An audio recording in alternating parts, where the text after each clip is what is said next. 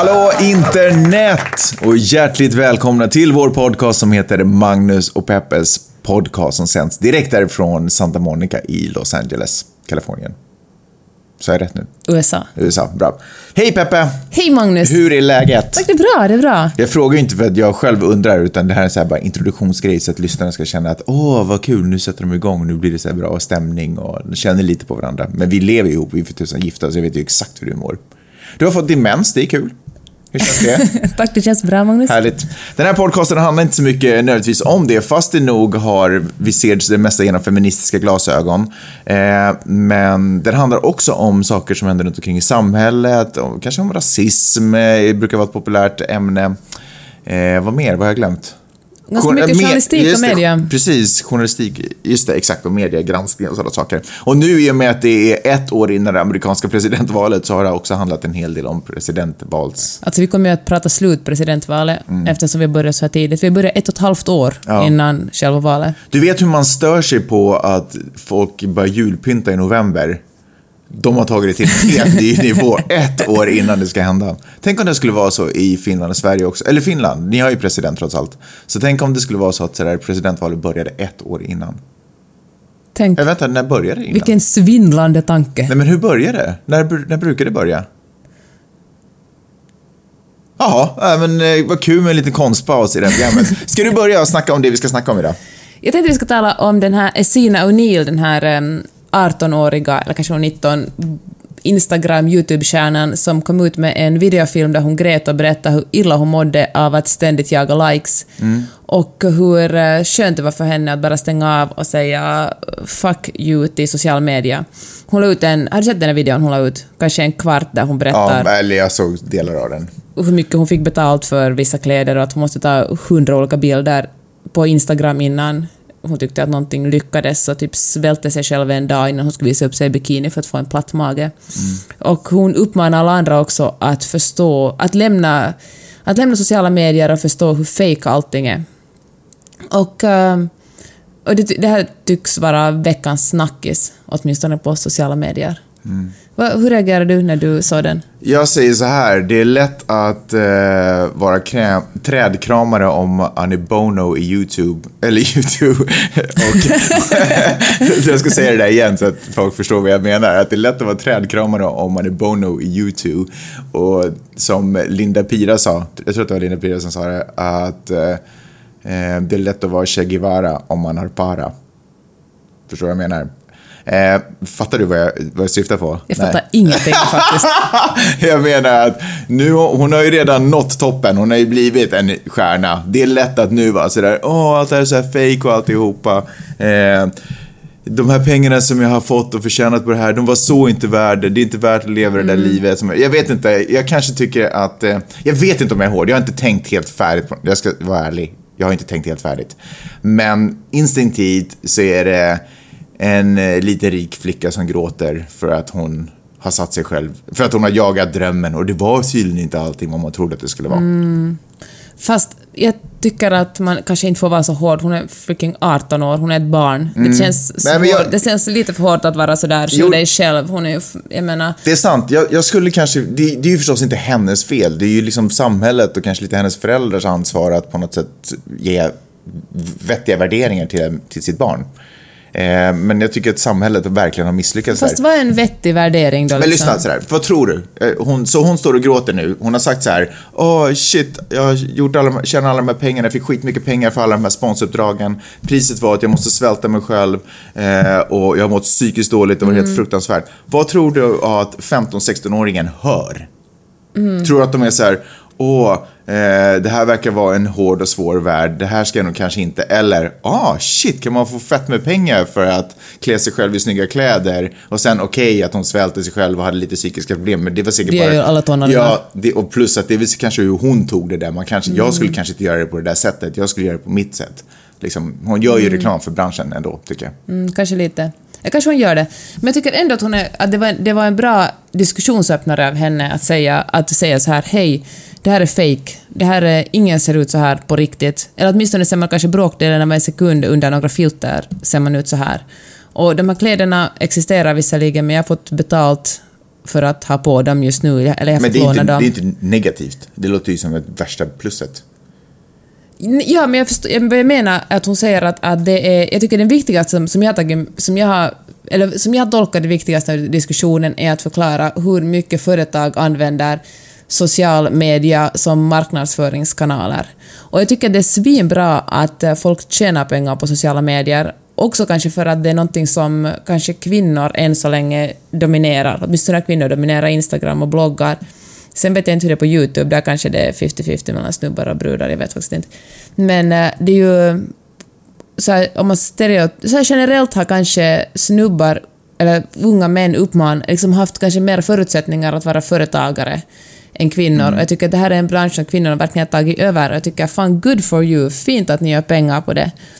Sen tycker jag det som ju är tråkigt att de här pengarna alltid ska tjäna, inte alltid, men ofta tjänas genom liksom att sexualisering, att man säljer liksom på något sätt en sexualiserad bild av sig själv. Och, och det kryper ju ner i åldrarna. Fy fan vilket ålderdomt. Det känns verkligen som jag skulle vara en moraltant när jag säger det kryper ner i åldrarna, men det känns som om när jag gick i lågstadiet på 1960-talet ungefär, så då brydde man sig inte så hemskt mycket. Jag tänkte verkligen inte så jättemycket på hur jag klädde mig, men jag föreställer mig att, att eh, vet du, 8-9-åringar är ganska noga med, med, vissa kanske till och med vill sminka sig och, och hur de klär sig, och jag tror delvis är det kanske också sociala medier fel för att det är så tillgängligt. Sen tycker jag att eh, det är också problematiskt om man bara pekar finger åt, åt sociala medier utan det är att, att folk vill vara så sexiga på Instagram och YouTube och varhelst annat handlar ju om att det är det man tagit modeller från, från reklamvärlden och TV. Jag menar, allt som säljs säljs ju freaking med sex. Jag menar, det är ju otroligt sexualiserat hela samhället vi lever i och då är det liksom inte, det är inte individernas fel på YouTube och Instagram utan det är helt enkelt Fan, det är vårt fel. Det är vi som köper grejer för att, eh, och bekräftar marknadsförare att vi är intresserade av sånt som de säljer med sex. Mm. Det är fortfarande liksom journalisternas fel som, som fortsätter beskriva kvinnor med adjektiv, med män bara med... De, en man bara är en man, men en kvinna är ett utseende och en kvinna. Det är liksom... Eh, ja, vi, vi som fortsätter bedöma människor bara som deras utseende. Det är liksom lika mycket vårt fel som... Och hela jävla reklamens fel lika mycket som... Eller mer det än individ, individuella instagrammare. Jag tycker att vi kanske har lite oss själva att skylla för det här. Vi är inte speciellt bra förebilder. Eh, eller det vill säga, jag tror inte man bara kan vara, om man, om man ska ge en, en människa en, en chans till en bra start i livet så kan man inte bara vara en visuell förebild. Eh, liksom, utan man måste också, det måste också ingå någon form av diskussion kring det. Och jag tror att det är problematiskt att ganska mycket vår generation, jag menar våra föräldrar är fortfarande kvar i den generationen där man, hade, man har ett jobb och det, är att värde, det värderas högt att ha en fast anställning och, och ett riktigt jobb att gå till, vare sig det är ett kontor eller vad det än må vara. Om du, gör, om du har ett jobb så du gör det rätt liksom. Eh, vi lever ju inte så ganska mycket i vår generation, eller det finns väldigt, liksom, många i vår generation eh, vi, vi, växte, vi växer aldrig upp liksom. Vi, vi, vi kommer aldrig säga till våra barn, dags att kanske klippa dig, växa upp och skaffa dig ett jobb som våra föräldrar har sagt till oss, liksom, väx upp. Ehm, och vi, gör, vi gjorde aldrig det. Och jag tror att vi på, på så sätt också inte blir en... Jag tycker att det är bra att det är så. Men om det inte kommer med en förklaring till varför vi beter oss så här så tror jag att yngre generationer som ser upp kanske till oss och tittar på hur man kan leva sitt liv inte får hela bilden. De ser bara ett gäng medelålders människor som leker och, och pajas runt och eh, kanske har lite pengar i fickan och gör alla de saker som vi inte hade råd att göra när vi var barn men som egentligen hör till barndomsdrömmar. Förstår du vad jag menar? Nå, inte riktigt. Eh, Jag tycker att vi... Det kan, det, det, jag tror att det ser ut som att vi lever ett oansvarigt liv. Eh, Men eftersom vi är vuxna så utgår yngre generationer för att vi lever ett ansvarsfullt liv. Eh, Och ser upp till oss, men de tar fel delar av vårt liv. De tar inte hela paketet. Ge ett exempel. Eh, till exempel så, har, så lever vi så här, men vi har också utbildning. Till exempel. Talar du om dig och mig nu eller bara vår generation? Jag tror att vi pratar ganska mycket om, jag tror att utbildning fortfarande i vår generation har varit en ganska viktig del, därför att våra föräldrar har matat ganska hårt in Ja, i våra verkligen, huvuden. stenhårt. Men vi lever ju inte som de, tradition, liksom de människor man skulle kunna tänka sig, eller som våra föräldrar som har utbildning, vi lever ju inte samma sorts liv liksom, med dem. Men vi har ju fortfarande tagit någon form av grundläggande ansvar för vårt liv fast vi sen kan hålla på och flasha och glida runt och leka och vara och bananas typ. Mm. Men jag tror att yngre generationer bara ser det här, för de levde ju inte när vi gjorde vår skoltid. Mm. De, de ser ju bara kanske eventuellt ett liksom slappt och fritt och lite konstigt eh, eller alternativt levande och in, låter sig inspireras av det. Men tar inte hela ansvarspaketet. Hmm. Fast det där låter nu sådär... Och därför är det lättare att haka på sig YouTube-stjärna och Instagram-stjärna mm. och liksom ha Fast å andra sidan är det ju super... Alltså vissa kan ju verkligen försörja sig på att ha en YouTube-kanal och, eh, eller ett Instagram Jo, men det är ett lotteri. Det är ju inte... Alltså, nej, alla kan inte göra det. Jag skulle säga att det är troligare att du inte kan göra det mm. än att du kan göra det. Men du menar att alldeles för många faller för enkelt ner i tron och tror att, man, att det är liksom helt super att man bara glider in och blir en YouTube-stjärna och... Ja. Mm, kanske det, fast jag vet jag tycker liksom, det är typiskt vår generation, man ser ju alltid ner på yngre generation och tycker att de är lata och lata slackers. Det tyckte ju säkert våra föräldrar om oss också. Så att jag tror nog att de är duktiga, jag tror bara att de, det mest otur har de haft för att de är uppväxta i en så otroligt kapitalistisk tid där verkligen det liksom där eh, det, jag tror att vi blir liksom allt mer sexualiserade. Jag tror liksom det är ett större problem att yta är så otroligt viktigt. Ja, men kolla, för, alltså med grejen är så här. Men vänta, får jag säga en sak? Ja. Alltså, men, du liksom, bara att få ett jobb är det ju, om du är snygg är det lättare att få ett jobb. Också om du jobbar inom bokföring, du behöver liksom inte visa ditt ansikte, men, men liksom, vi bedöms så mycket på våra utseenden, så liksom, det finns, och vi blir helt matade, liksom, Också om du, är, om du ska göra karriär, du är superbegåvad skådespelare. Fan, om du är snygg så kommer du att synas och är du snygg kanske också du är, kommer att synas så mycket så du kan gå ut och sprida ett budskap, budskap om att det är inte är viktigt att vara snygg, men du är ändå snygg för du har, för att utan ditt utseende, ursäkta att nu generaliseras, men skulle du inte ha kommit så här långt. Mm. Ja, men det är sant.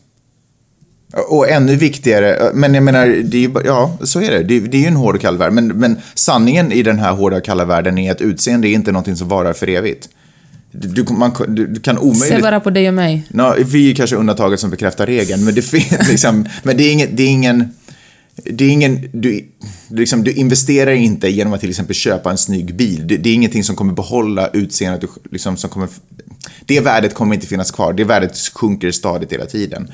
Eh, men du menar en god akademisk utbildning ja, men nej, jag, jag, jag, säger inte att det nödvändigtvis måste vara en god akademisk utbildning, men, men någon form av kunnande måste ju byggas upp. Det måste finnas, att, att se bra ut är ingen skill. Att vårda sitt utseende, möjligen, men, men din hy, hudkvalitet är ingen skill som du Nej, har. men vi måste... men man kan ju vara flera saker samtidigt. Man mm. kan ju vara snygg och jävligt bra på att uh, editera videofilmer eller stå framför kameran. Eller, ja, absolut. Liksom, ingen är bara en, en... Eller man kan vara bra på många saker samtidigt. Mm. Men för att ännu knyta tillbaka till den här eh, Sina O'Neills video, så tycker jag att det viktigaste hon kanske... Eller jag hoppas att, att det är ett budskap som folk plockar med sig därifrån, är all smygreklam att också yngre generationer förstår, no fan varför inte äldre också, kanske, mycket, kanske tonåringar är mycket bättre på att uh, tolka liksom, mediekritiska än 20-30-åringar, vad vet jag. Men, men all den smygreklam som finns på, på Instagram och bloggar och varhelst annars, och YouTube, finns det en hashtag och ett eh, varumärke så har antagligen bloggaren fått betalt för att ha nämnt den. Ja, det är nog ganska solklart att det är på det sättet. Ja, men kanske inte för alla det. Nej. Eh, med detta sagt så skulle jag kanske ändå vilja säga, för det, det jag gillar med, alltså det finns eh, det finns en Sara Larsson-trend som sprider sig över världen. Mm. Jag tror inte att det är nödvändigtvis Sara Larsson som har skapat den, men hon är del av en våg av unga tjejer som har någonstans på något sätt tvingats också att växa upp mycket snabbare än mm. vad vi på sätt och vis också har behövt mm. göra. Eh, bara det att de har naturligtvis vuxit upp i en helt annan värld än vad mm. vi växte upp i. Eh, som, som har kommit också på sätt och vis till ett uppvaknande, kanske också mycket tidigare än vad jag själv gjorde, eller har gjort. Eller, kommer eller jag, jag var en super late bloomer. Eller kommer att göra kanske. Mm. Eh, och det måste jag ändå kanske ge henne cred för. Fine, eh, du vet, det är klart att hon är ung i mina ögon och jag tycker att hon borde ha tänkt på andra saker tidigare i sitt liksom i det här skedet i sitt liv. Men... Andra saker än vadå? Nej men, du vet, nej men du vet, fokusera på någonting mer substantiellt kanske. Vadå? Sara Som... Larsson är ju superfeminist Nej men inte Sara Larsson, jag menar den här andra... Ja, okay. den andra tjejen. Eh, men jag tycker att det de ändå på något sätt representerar är en, en väldigt bra sak. Det är ju fantastiskt att det finns sådana människor som är så kunniga ändå på vad de gör, eh, vare sig det handlar om att marknadsföra, för det är ju egentligen den skillen som den här tjejen har tagit till sig av och lärt sig. Eh, vare sig det handlar om sin konstform eller marknadsföring eller vad det än är, så är de otroligt duktiga på det de gör i så här ung ålder. Och dessutom har lyckats bibehålla en form av större perspektiv. Att till exempel verkligen. i Sara Larssons fall där hon ser hon ser inte bara, du vet det här som vi har pratat om att samhället är så egoistiskt och bla bla bla, utan det finns också ett engagemang för det större, godare. Eh, Som den här, vad heter den här tjejen? Förlåt. Sina O'Neill. Ja, Sina O'Neill, att hon har en drivkraft inom sig, att hon har identifierat att det här är fel och galet, det som Mm. hon har varit med om och upplevt och sett, och känner att hon måste sprida det här vidare och på något sätt by- bygger upp någon form, Mm. försöker bygga upp en rörelse kring det här. Och, och det tycker jag är otroligt imponerande. Ja. Det ska de ha cred för, och det tycker jag är vettiga förebilder. Så jag tar lite tillbaka det där, där jag började och var sådär att ja, hon är en gnällig vit rik flicka som du vet, gråter Mm. Bra. för att det inte blev så som det, hon tänkte att det skulle bli. För Nej, men det, det är en bra trend. Får jag säga ännu en sak om ja, henne? Kör, såklart. jag tycker det är coolt i den här videon sa hon att eh, hej, om ni tycker att det som jag säger nu är, är bra så får ni gärna donera lite pengar till mig. För att jag måste också betala hyran. Och det, det var min, min första reaktion var sådär att nej men, ska hon nu tigga pengar? Men nu, sen förstår jag, det är fan mycket bättre att säga hej, om ni tycker att det här är bra får ni gärna donera lite pengar, än att utsätta folk för lite halvsmygreklam. Mm. För att är någonting gratis så betalar man ju i någon slags annan form. Ingenting är tyvärr hemskt gratis. Utom den här Utom podcasten. kärleken och den här podcasten. Och svårt att se skillnad på kärlek och den här podcasten också. Ja, men jag tycker kanske, tänk om det är nu, eh, eh, tänk om ny, tänk om det nu börjar en trend där folk säger att istället för att jag utsätter er för reklam så får ni gärna ge en liten donation på basen av hur bra ni tycker att den här produkten är. Jag gillar det. Det, är liksom också. eh, inga mellanhänder, det är bara straight to the source liksom. Ja. I vårt fall så kan jag bara flika in att ni behöver inte alls ge oss några donationer. Eh, vi klarar oss på den fronten. Eh, Det är ju kul, men jag vill, ni behöver inte. Däremot så får ni jättegärna ge en recension. Det är också gratis. Ni gör någonting gratis och vi ger någonting gratis och så blir det bättre. Tänkte jag bara säga. Vill du prata mer om det här?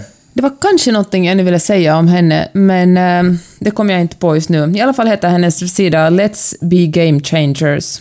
Ja, förresten, det skulle jag säga. Hon föreslår att man ska stänga av helt sociala medier. Och jag tycker att eh, hon är fine 18 år, så man får inte kritisera henne, eller man får kritisera henne som en vuxen människa, men, men, men jag tycker inte att man ska stänga av sociala medier. Jag tycker att eh, sociala medier är inte bara fake eller inte bara en dokumentär. Det är liksom allt. Sociala medier är ju liksom, eller medier överhuvudtaget, det är ju ett sätt att umgås med människor också.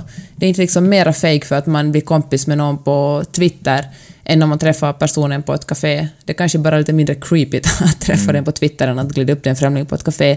Men jag menar, det är liksom vanliga människor som rör sig på sociala medier. Men jag tror att det hon kanske försöker säga är inte liksom bojkotta sociala medier utan ta en paus ifrån bruset. Sätt dig ner med dina egna tankar och dig, dig själv ett ögonblick. Bli, be, bli bekant med dig själv, Okej.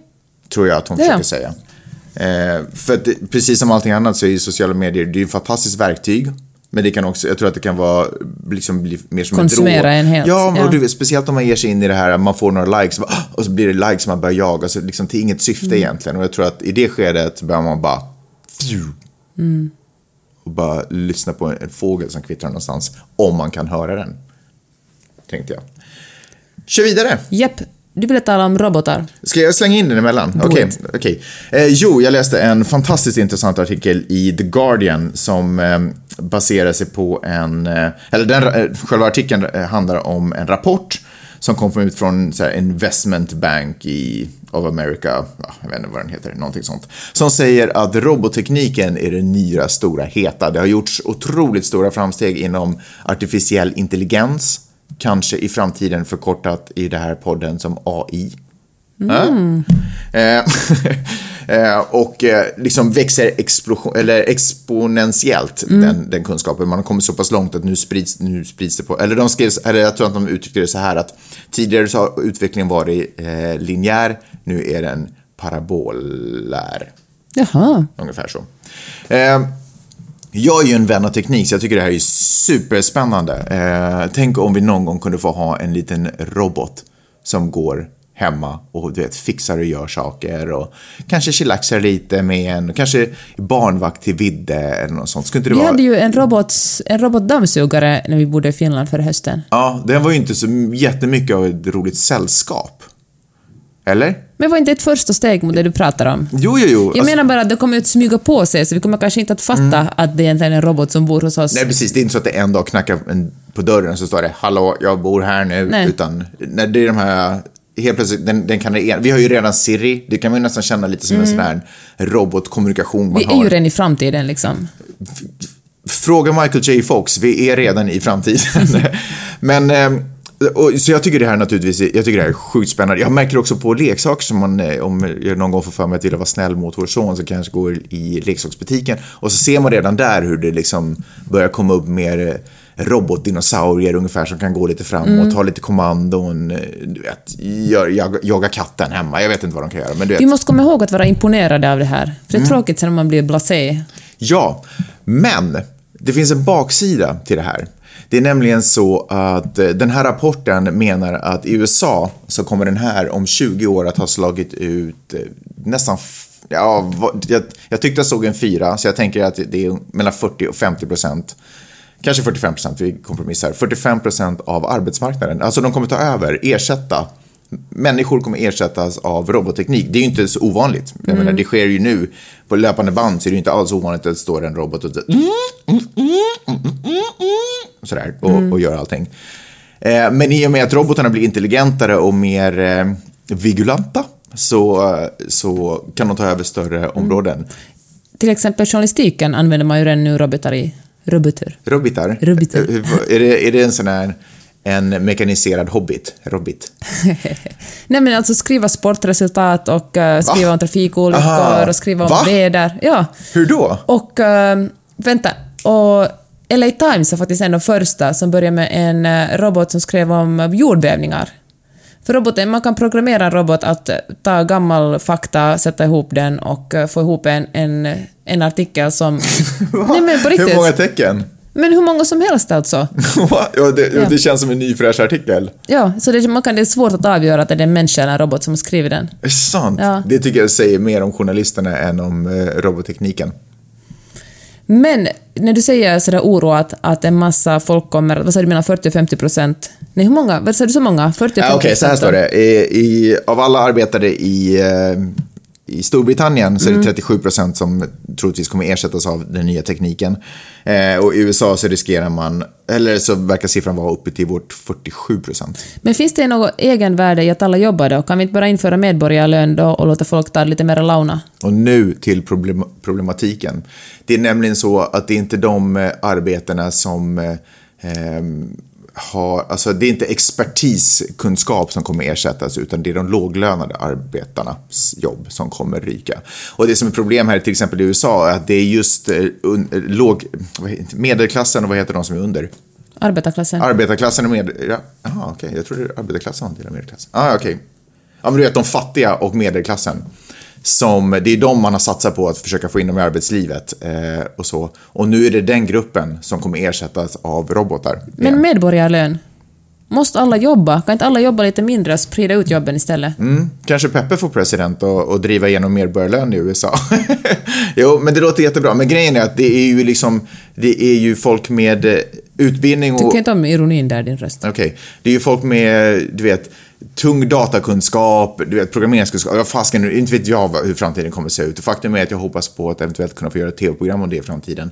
Men, för jag tycker det är så otroligt intressant. Eh, jag vet inte vad, hur framtiden kommer att se ut, men vad jag vet är att om du är städare, om du jobbar på McDonalds, eh, om du... Eh, gatus... Jag vet inte fan vet jag, men du vet, eh, sjuk inom... Om du jobbar som undersköterska. Eh, alla de här lågavlönade eh, jobben som inte kräver så hemskt mycket utbildning för att nå. Eh, de, de finns inte längre. Och vad ska de människorna göra? Medborgarlön. Ja, men medborgarlön, det är, liksom, det är ju inte så att man sätter in robotar och det blir mer pengar till folk, utan man för ju in det här för att effektivisera. Du vet ju redan hur det är nu. Det är ju därför... Eh, nej, nu kommer jag inte på vad jag ska Man måste säga. bara beskatta folk lite mer, de som tjänar otroligt mycket i det här landet. Mm. Och så, jag menar, och genom att ge ut en medborgare, genom att det, om folk får en medborgarlön har de ju också råd att konsumera och betala skatt i sin tur. så Jo, ja, men det kommer inte hända. skatter. Det fattar jag att det kommer Vår kompis hända. Malin, hon är en, en kompis här, en, en tysk snubbe som bott tror jag 20 år. Han, det är hans, han brinner för att införa medborgarlönen. Jag hoppas kunna intervjua honom om det här. Mm. Jag menar, jag vill bara säga att jag är inte den enda i det här landet som tycker att medborgarlön ska vara en bra, en bra lösning. Jag tycker att det låter som en skitbra lösning, men är inte medborgarlön just en sån här grej som sticker i folks ögon, att folk får pengar för att inte göra någonting? Har man Ja. inte medborgarlön i Norge? Jag vet, du bara hittar på ett land med mycket pengar. Du Nej, tycker att folk jag, är slackers. jag har någon sån här bild, jag har någon sån här... Ah, okay. Skitsamma, jag det Men äh, ja, ja, säkert. Jag, skulle, jag håller med dig om att i det här jättekapitalistiska landet som dessutom är besatta av att jobba länge. Ingen är intresserad av hur mycket man jobbar, men så länge man sitter jävligt länge på kontoret och skryter om hur långa dagar man gör och hur lite semester man har så är man bra. Så jag förstår att det rent äh, att det skulle vara praktiskt väldigt svårt att införa det. Men vad fan, svårare saker har hänt. Jag menar, vem hade trott att någon som Bernie Sanders skulle komma så här långt? Nej men alltså, svåra saker har hänt. Om, om 45% av USAs befolkning riskerar att stå utan jobb. Men jag men, nej, men att införa medborgarlönen menar jag. Det, måste, det är ju en krissituation. Fast sen- Då måste man också kanske sköt, liksom, lösa den med en annan sorts, med liksom en radikal förändring. Mm, men sen är ju också... Sen så För det är ju ingens intresse av så mycket arbetslöshet. Nej, jag vet, men det handlar ju inte bara om att få in pengar. Det handlar ju om också att de också känner sig meningsfull i ett system på något sätt också. Jag vet att vi alla upplever att vi, högsta drömmen för oss alla är att vara fria och sådär. Men jag tror att det finns något väldigt grundläggande i att man vill spotta i nävarna och, och liksom tillföra till samhället man lever i. Man vill, man vill jobba tillsammans med andra människor. Man vill, göra, man vill känna sig, man vill inte bara ligga på, jag undantaget, vill inte bara ligga på soffan och fundera ut kre, kreativa idéer, utan man vill, man vill göra grejer. Och om, om, man, om 45% av befolkningen puttas ut från arbetsmarknaden så är det ju fruktansvärt. Det är ju massvis med människor som kommer bara känna sig otroligt meningslösa och bara konsekvenserna av dem tycker jag är helt fruktansvärt. Jag kan bara föreställa mig vad som kan hända. Men du tror inte att det uppstår nya jobb hela tiden då? Ja, det här är väl det som man eventuellt kan hoppas på. Men det som verkar vara ganska klart tydligt enligt den här rapporten är att eh, de jobben som skapas kommer vara på... Det, det måste finnas någon form av eh, in, ingångskunskap. Jag vet inte hur jag ska beskriva det, för jag försöker undvika att säga att det måste finnas skolning. Men någon form av skolning, hur man än har tillhandahållit den, det- vare sig man har gått till en skola eller tillhandahållit den kunskapen på annat sätt, så måste det finnas någon form av kunnande. Man kan inte, man kan inte bara glida runt och sen haka på ett jobb, för det jobbet kommer inte finnas. Då har jag ett annat förslag till USA. Ja. Orsaken till att... att Det här är inte bara USA, det här, det här rapporten handlar om USA, men det här är ju nog teknik som inte kommer stanna innanför landets gränser. Till exempel eh, billigare utbildning. Mm. Jag menar, en orsak till att folk tar lågavlönade jobb är också att folk inte har råd att, eh, att studera i det här landet. Kostar det 50 000 i år att studera vid ett universitet, det är ju klart att ingen människa, eller viss, vissa människor, men att det fall, en hel del av, av befolkningen helt enkelt faller bort. Ja, det här är ju egentligen det som jag tycker är superintressant. För i Finland till exempel så verkar ju nu den regeringstrenden vara att lite skära ner på utbildningar. Att inte satsa så supermycket på Nej, det. nej, deras Ja. regeringsprogrammet står ju, liksom, de Ja. skär ju direkt ner på Och så, och så tänker man så här att ja, men de som eh, börjar i skolan nu och kanske börjar påverkas av det här. Jag vet inte, det kanske tar några år innan det här börjar träda kraft helt fullt ut. Så om, låt oss säga, fyra, fem år så börjar de som börjar skolan och börjar leva efter det här re- regeringsprogrammet, ja, det går nog kanske snabbare då. Anyways. Ja, de kommer ju ut i skolan om typ 20 år. Eh, typ, liksom. Ja, så, och till, till en värld som ser helt annorlunda ut. Där de inte kommer med de förkunskapskrav de behöver för att kanske studera vidare eller, eller ens har uppmuntrats att studera vidare därför att vi lever i en individualistisk värld och bla bla bla bla bla. Eh, och så kommer de ut i en värld där robotarna gör det jobbet de hade funderat på att de skulle kanske ägna sig åt. Du vet, svetsare eller vad tusen det än må vara. Liksom. Mycket spännande. Men, och, och, äv- även fast jag är glad och lycklig så tror jag att det är viktigt att vara på sin vakt. Och nu, kanske mer än någonsin, så ska man satsa på sitt kunnande. Kanske mer än sitt utseende. Även fast kanske utseendet är det vi har fördelen mot robotarna, när jag tänker efter. Jag tänker på det så här, och nu i allt fler affärer här kan man ju betala, har de ju så självhjälpskassor. Och också på LAX när man kommer in, det funkar inte om man har eh, något annat sorts visum, men kommer man på turistvisum finns det ju maskiner man bara kan gå igenom. Så kanske den här revolutionen den har kommit, den är här den, redan. kommer, den är ju successivt liksom, och den Ja. ökar, ökar ju exponentiellt med att ta över arbetsuppgifter från folk. Superspännande, Magnus. Mm. Är du oroad? Nej, jag är egentligen inte eh, oroad. Jag kommer vara så gammal vid det laget, när den stora revolutionen liksom har trätt i kraft. Så att det är lite Så du bryr dig liksom inte? Jag bryr mig inte så mycket. Var är din solidaritet? Eh, nej, men alltså jag bryr mig om eh, mina medmänniskor som lever, men för min egen del bryr jag mig inte så mycket. Mm. Nej, nej, nej. Att min solidaritet är väldigt här. Den Hos dig själv. Den är väldigt, ja exakt. Förankrad i ditt ego? Exakt mundo. Eh, artificiell intelligens, eh, eller man räknar med att eh, det är en 152,7 miljarder bransch. Den kommer omsätta 152,7 miljarder dollar 2020. Boom! Det är inte så lite pengar. Och de menar också att det kommer, och det här är just det som är grejen, om man låter företag besätta, sätta, sätta riktning för hur, hur saker och ting ska... Jag menar, företag är inte, det är inte...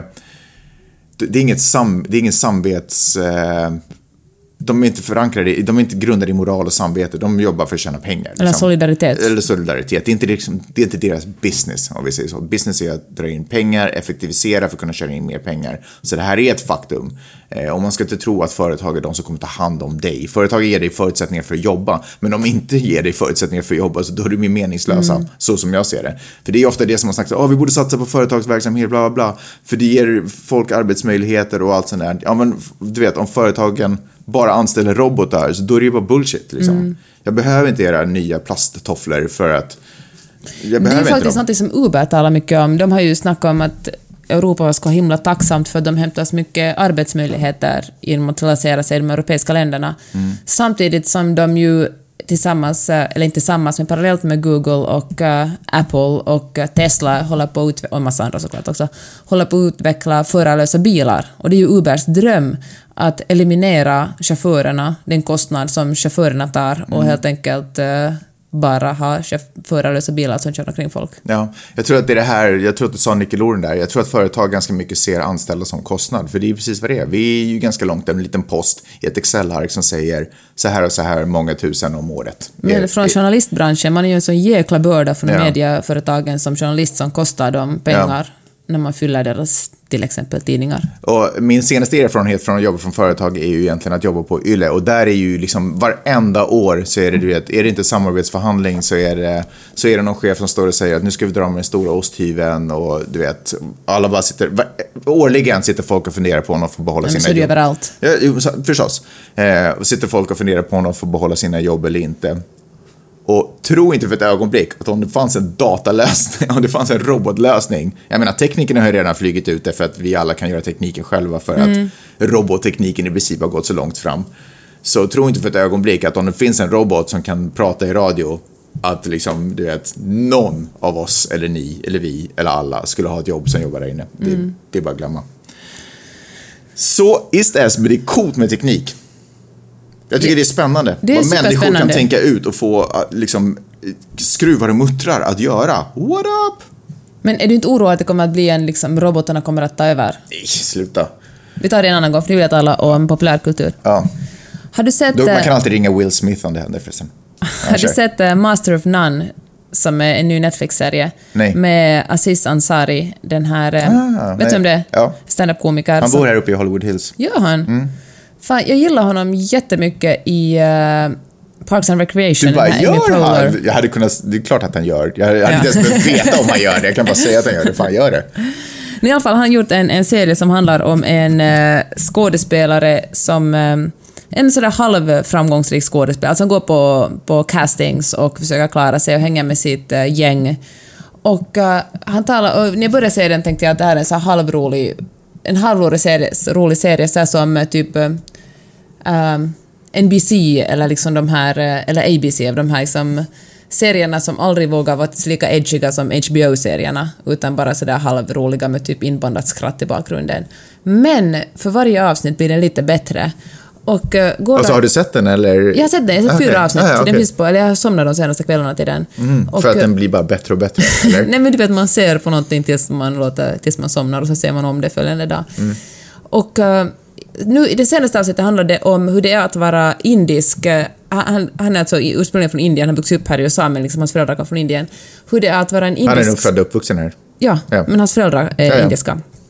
Och eh, hur, hur det är att, eh, att vara en indisk skådespelare. Han till exempel gör en, en audition för en, eh, en taxichaufför och så kommer han till det rummet där det sitter en massa andra, det ska vara en indisk taxichaufför och så ska han göra en audition och så går hans kompis in före honom och gör den här, läser upp, och så han läser upp det på sån här super-indisk engelska. Kan du imitera en sån? Nej. Men du vet vad jag menar, Ja. så här med en jättestark indisk Ja. liksom, accent. Och så kommer den här, så kommer den här em, karaktären, alltså Aziz Ansaris karaktär, och han läser in den på engelska. Alltså vanlig liksom, Alltså sitt- Perus... sitt hemspråk, Ja. ja. Och så den här personen som leder den här eh, castingen, hon är sådär att åh, det var bra men... Awkward! Ja, skulle du kunna, eh, skulle du kunna dra det liksom med en accent? ja. Och Aziz är den här, han är sådär att nej alltså så här talar jag fast jag är liksom, alltså, så här talar jättemånga indier, Ja. alltså, bara för att vi är... Egentligen alla. Ja. Och hon bara mm, okej, eh, let's be in touch. Och han bara okej det här betyder alltså att ni nog inte kommer att vara in touch. Hon bara mm, ja tyvärr. Och så talar han senare i den här samma avsnitt, talar han om hur det, hur det kan finnas liksom, hur man bara kan bli Ja, han, han, han, det är en annan TV-serie som, som han och hans indiska kompis båda blir liksom, går, går, går på en casting med en mycket större roll. Och så visar det sig att bara en av dem kan få en roll i den här TV-serien eftersom det bara kan finnas en indisk snubbe. Och han är bara sådär, så här är det tyvärr, det kan finnas en asiatisk snubbe, en indisk snubbe, en kvinna, en gay snubbe. Och så hans kompis sådär att, papp, papp, papp, att det finns faktiskt i Modern Family finns det två gay-killar. Men att så att, så att gay-killarna har en liksom kommit så långt, obs killarna, inte liksom kvinnorna, kommit så långt att det kan finnas flera representanter. L-word. World. Okej, men det var en serie, det var liksom en serie som uttryckligen handlade om lesbiska kvinnor. Det var liksom inte en, en normal, liksom det var ingen uh, normserie, förstår du? Att finns det, finns det två lesbiska kvinnor i en serie handlar det om lesbiska kvinnor. Finns det två indiska personer i en serie handlar det om, då blir det en indisk serie. Men finns det en massa vita snubbar är det en serie. Förstår du? Och eh, kvinnor har ju kommit så pass långt redan att, att eh, kvinnor kan vara med, inte i majoritet dock, för då blir det liksom en, en då blir det, är det en bok blir det skickligt och är det en serie blir det någon, en serie som riktar sig till kvinnor, medan en serie med en eller två kvinnor och restens vita snubbar är bara en vanlig TV-serie. Och eh, ja, det var bara ett superroligt och pedagogiskt avsnitt om normtänkande. Hur svårt, hur liksom... Ion Flux skulle jag vilja flagga lite för där. Charlize Therons film som är en actionfilm. Mycket kvinnor, kvinnor i huvudrollen. Superbra att du kom på ett exempel. Men- men jag- jag måste- jag tänkte säga- Min teori är omkullkastad. Du kom på en. det var inte för att kullkasta din teori. Jag ville bara komma med ett tips om det var någon som var intresserad av om det överhuvudtaget fanns någon sån film. För att se den, för jag tycker om den filmen. Men så- vilken? Eon Flux. Eller Eon Flux. Eon Flux. Sure. Ja. Förlåt. Nej, det var inte för att kullkasta teorin, jag vet. Jag fick leta långt in i huvudet. Ja. ja, jag tycker det var ja, helt enkelt hur eh, superstark den vita manliga normen är. Ja. Och får jag fortsätta titta Mm. Ja. lite om det här. Och så här är det, här är ju inte bara liksom inom populärkulturen. Rättviseförmedlingen i, eh, i Sverige har ett, ett tre år långt projekt där de undersöker hur folk syns i media. Och eh, i, eh, så har de undersökt random 2400 random artiklar från Expressen, Göteborgs-Posten, Dagens Industri, DN, SVT och liksom en massa stora medier och kommit fram till att över 70 procent av alla som medverkar i nyhetsmedia är män. Och mindre än 10 procent har liksom uppfattats ha annan här, utomnordisk bakgrund. Och 75 procent av experterna i nyhetsmedia är män. Och bla, no, men det här är kanske inga nyheter. Men jag menar bara att, att det liksom... eh, att, eh, men jag tycker ändå att det tål att upprepas, för att om man inte säger det hela tiden så då glömmer man bort det och så vänjer man sig vid det, eller det vad alla har gjort. För sen de gånger det finns lika många kvinnor som män, eller lika många folk av annan hudfärg än, än eh, nordisk, så då tycker man att det är liksom en då tycker man att de är i majoritet, då blir det liksom en kvinnotidning eller en invandrartidning eller en indisk tidning. Men om det är liksom flest män, då är det bara en tidning eller en TV-serie eller en film, utan att någon tycker att det är något speciellt med det. Mm, ja, det är sant. Jag tycker också att det är intressant att eh, ofta så när man, när man diskuterar sådär så brukar ofta svaret komma så här, men vi har blivit så otroligt mycket bättre på det. Om man säger det, uttrycket vi har blivit otroligt mycket bättre på det är nästan ekvivalent med vi har löst problemet. Det, det är som att bara för att man har blivit bättre på det så har man ju fortfarande, liksom man har ju fortfarande en bit kvar att gå. Ja. Det, det är ju inte klart. Man blir bättre på det, inte en indikation på att problemet är löst på något sätt. Plus att det är ingenting som bara händer av sig själv, utan det är ju någonting som folk hela tiden bråkar och kämpar för. Att det ska bli mindre, att det ska synas fler människor än bara en sorts människor. Fråga. Var det så här i Finland också? För i Sverige så var det så att det på TV och jag tror kanske också till och med på radio så förr i tiden så var det ingenting annat än högsvenska som fick eh, talas i Sverige alltså. Och det kanske du Jaha. bara, åh vad är högsvenska? Eh, men då menar jag liksom Uppsala-dialekt och Stockholmsdialekt. Man fick inte bräka på skånska i eh, nyhetssändningar eller Finlandssvenska. eller finlandssvenska förstås inte i Sverige. Men jag bara undrar, var det så i Finland också? Du vet, att var det bara liksom Helsingforsfinskan som var accepterad? Ingen som... aning.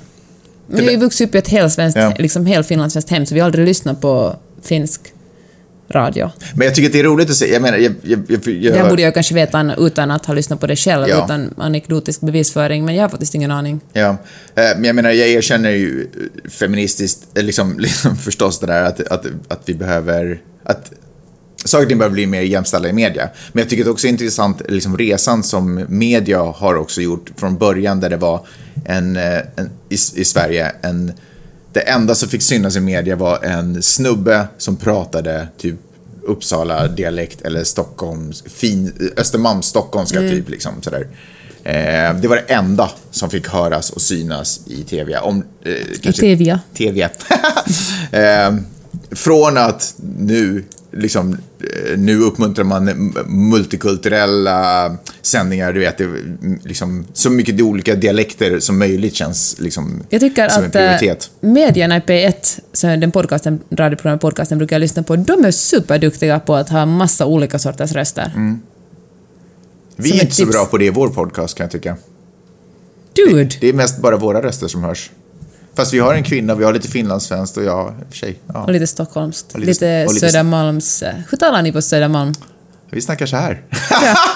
Ja, säg någonting. Nej, men jag, vi får inte säga någonting, jag har ju pratat här i Men kan 40 du dra på liksom Nej, en eh, södermalmsk... eh, Säg ett slangord från Södermalm då. Eh, raggarballe, där har du det. Eh, 41 minuter har vi, ska vi köra vidare? Nu kommer en grej till. Hit it. Kött. Kött! Nu vet jag att du har hållit dig, eller vi har hållit oss från att tala om Cowspiracy nu i två veckor. Men Eller nu kan du inte hålla en. längre.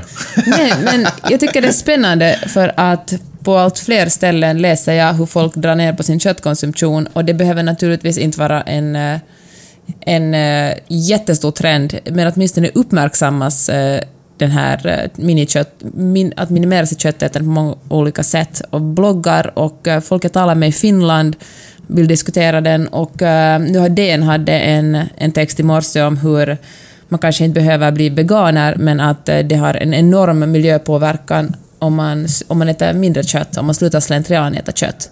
Och jag tycker att det är superspännande eftersom den här, det är ju ingen ny information, utan den här eh, FN-rapporten som du brukar hänvisa till, som du kollade upp efter att du hade sett Cowspiracy, kom ju ut för nästan tio år sedan, så liksom man har vetat om det här hur länge som helst. Nu tänker jag att är det det att vi är så otroligt eh, lata på att läsa och så visuella att vi behöver den här informationen i en superunderhållande dokumentär för att fatta att det är på riktigt? Vad tror du? Ja, eh, jag tror att det har mycket med det att göra. Jag har... Du, du sa att du skulle ta upp den här innan podcasten, så, så tänkte jag lite i mitt huvud. Och min första reaktion var just sådär att, ja men du vet, vi är bara idioter, vi kan inte läsa.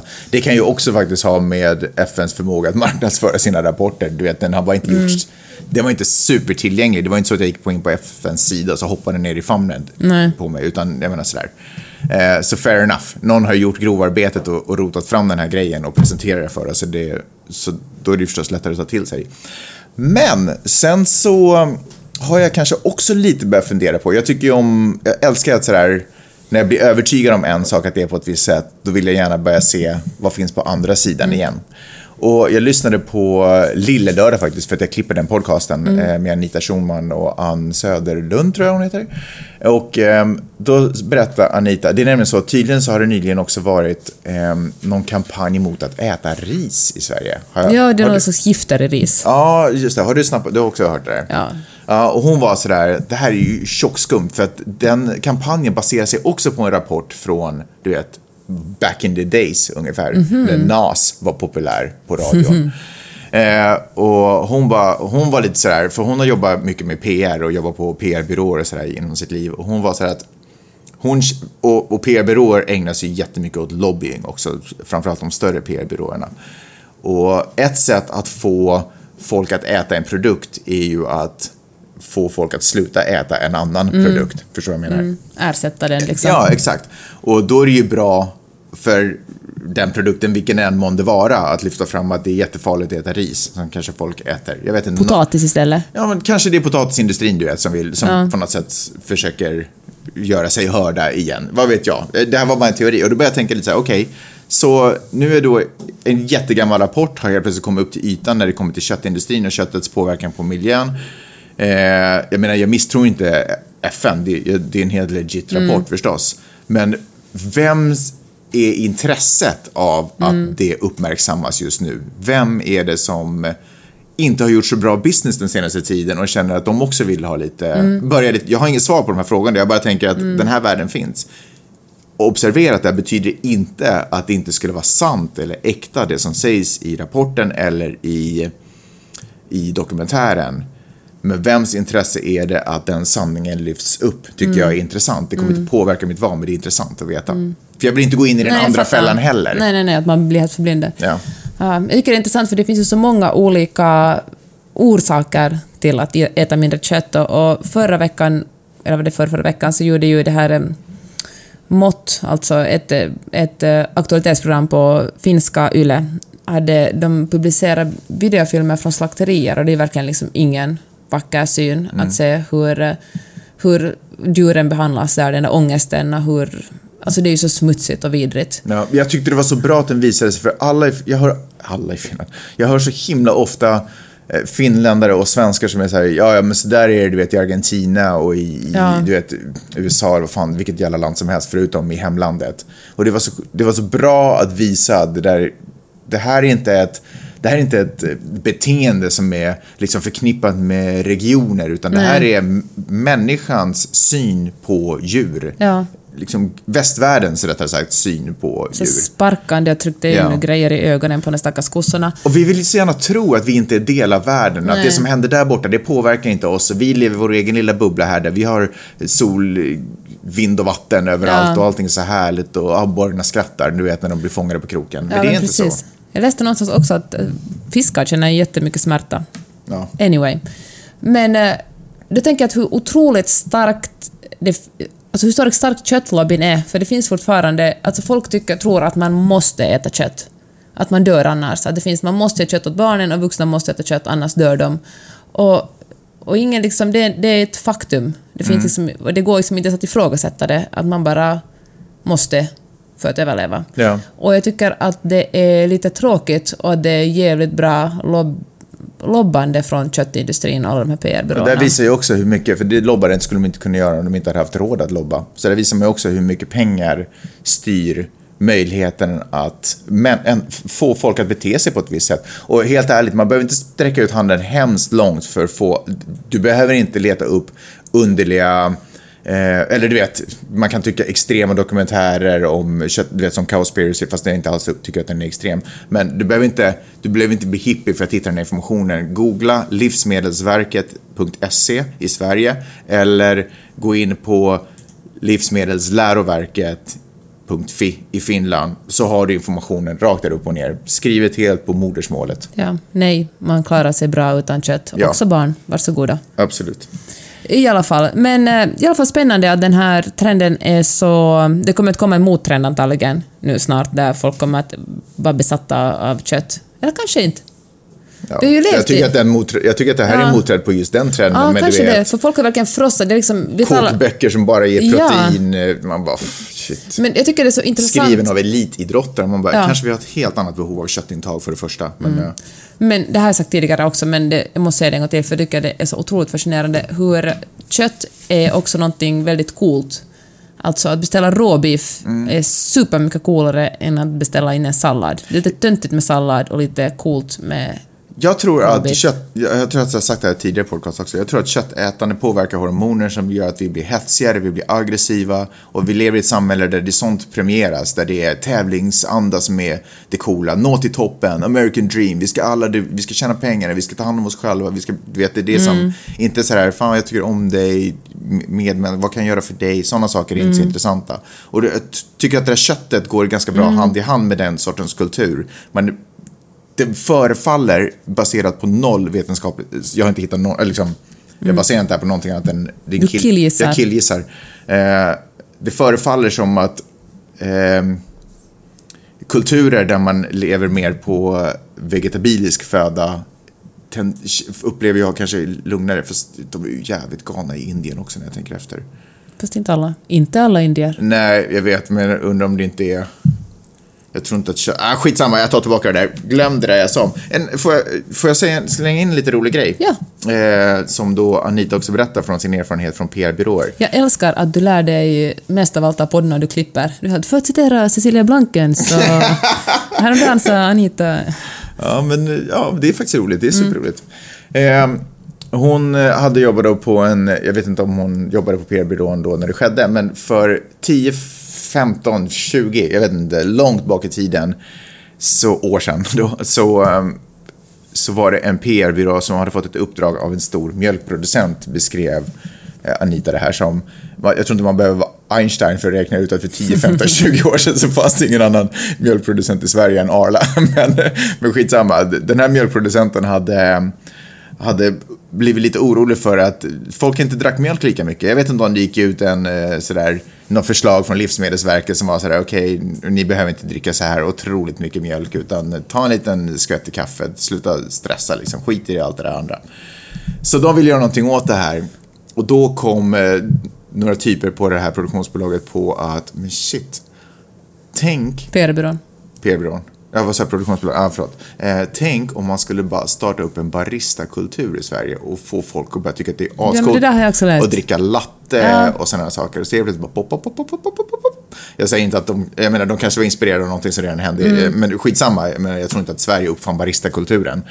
Men, eh, men, Men det gynnar Arla, menar du? Ja, jo absolut. Att, att, att, att ge den Mm. eh, branschen en liten skjuts med lobbyverksamhet och vad man nu ägnar sig åt eh, har ju ökat. Vilket genidrag alltså. Har ju ökat. Men bara, hur gör man det?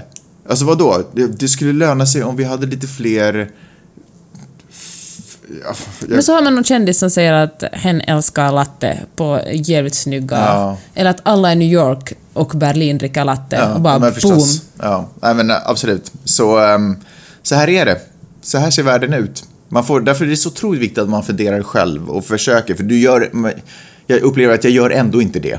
Ja, men du ser bara hur lätt det Men påverkar. man är ju en del av sin kultur. Jag menar, det är ju omöjligt. Man kan ju inte se sig själv som en fristående ö som är på smartare. Man är ju hela tiden... Man utsätts ju hela tiden för uh, influenser. Ja, men vi är influerade nu, inte bara du vet av naturliga saker som sker, utan av otroligt kunniga och duktiga människor som, som har som jobb att påverka. Liksom. Det är det de får lön, det är det de ägnar varje dag åt, att, att ändra mitt beteende. Och, och, och det är omöjligt att säkert att, eh, råda bot på om man inte stänger av sig själv från sociala medier och flyttar ut på en ö någonstans och bara gömmer sig. Men jag tror inte att man bara för den sakens skull ska ge upp sin egen integritet och sin egen, egen vilja. Och därför så tror jag att om man... Fast man, jag tror att man ska vara vaksam över slentrian-saker man gör. Fast jag tror att man, allt, man tror ju att man gör alla val av egen vilja. Jo, jag man är bara nej men jag råkar bara vilja ha den Det här är det som är latten. bullshit, det måste man ju för det första komma Jag bort ifrån. råkar bara vilja ha en iPhone liksom. Ja, det är det- min det- egen personliga längtan. Ja. Jag, Jag säger inte att det är lätt, jag säger att man måste vara vaksam med sig själv för att om varenda gång du inte tänker på ditt beteende så tänker någon annan på ditt beteende. true that. True that. Nu ska jag spela in Mellan raderna-podden med Karin Gide. Det ska du göra. Superkul att snacka med dig. Vi hade bra snack tycker jag. Tycker jag också. Mm. Du var till och med ganska trevlig idag, det gillar jag. Vi bråkar inte faktiskt. Tänkte jag. jag tänkte att det är en dålig podd när vi inte bråkar. Gänget vill ha sex, våld och rock'n'roll. Hörru, jag skulle tacka er som på vår finska iTunes-sida Mm. har skrivit så otroligt fina saker. Tack så hemskt mycket. Det, jag, Magnus läste upp dem för mig igår och jag bara satt och mys. Mm. Jag har ju svenska iTunes-konto så jag råkade bara av en händelse snubbla in där och såg att det var jättemånga som hade lämnat meddelande, eller lämnat en eller recension och en kommentar. Tack så supermycket. Om ni andra som har lyssnat som inte har gjort någonting för oss, eller jag på att säga, eh, känner att ni skulle vilja göra någonting helt gratis som, som eh, hjälper oss att sprida den här podcasten så gå jättegärna in på er lokala iTunes och skriv en, eh, ge några stjärnor och skriv en snäll kommentar så kanske de kanske vill lyfta upp eller vad fan inte vet jag. Det känns roligt för oss att gå in med jämna mellanrum. Annars hörs vi nästa vecka. Mm. Eller det gör vi oberoende vare sig ni skriver något eller inte. True that! Men vi kan ses på Twitter för det. Det kan vi göra. Eh, ha det så bra och ta hand om varandra. Och djuren. Puss och kram! Hej.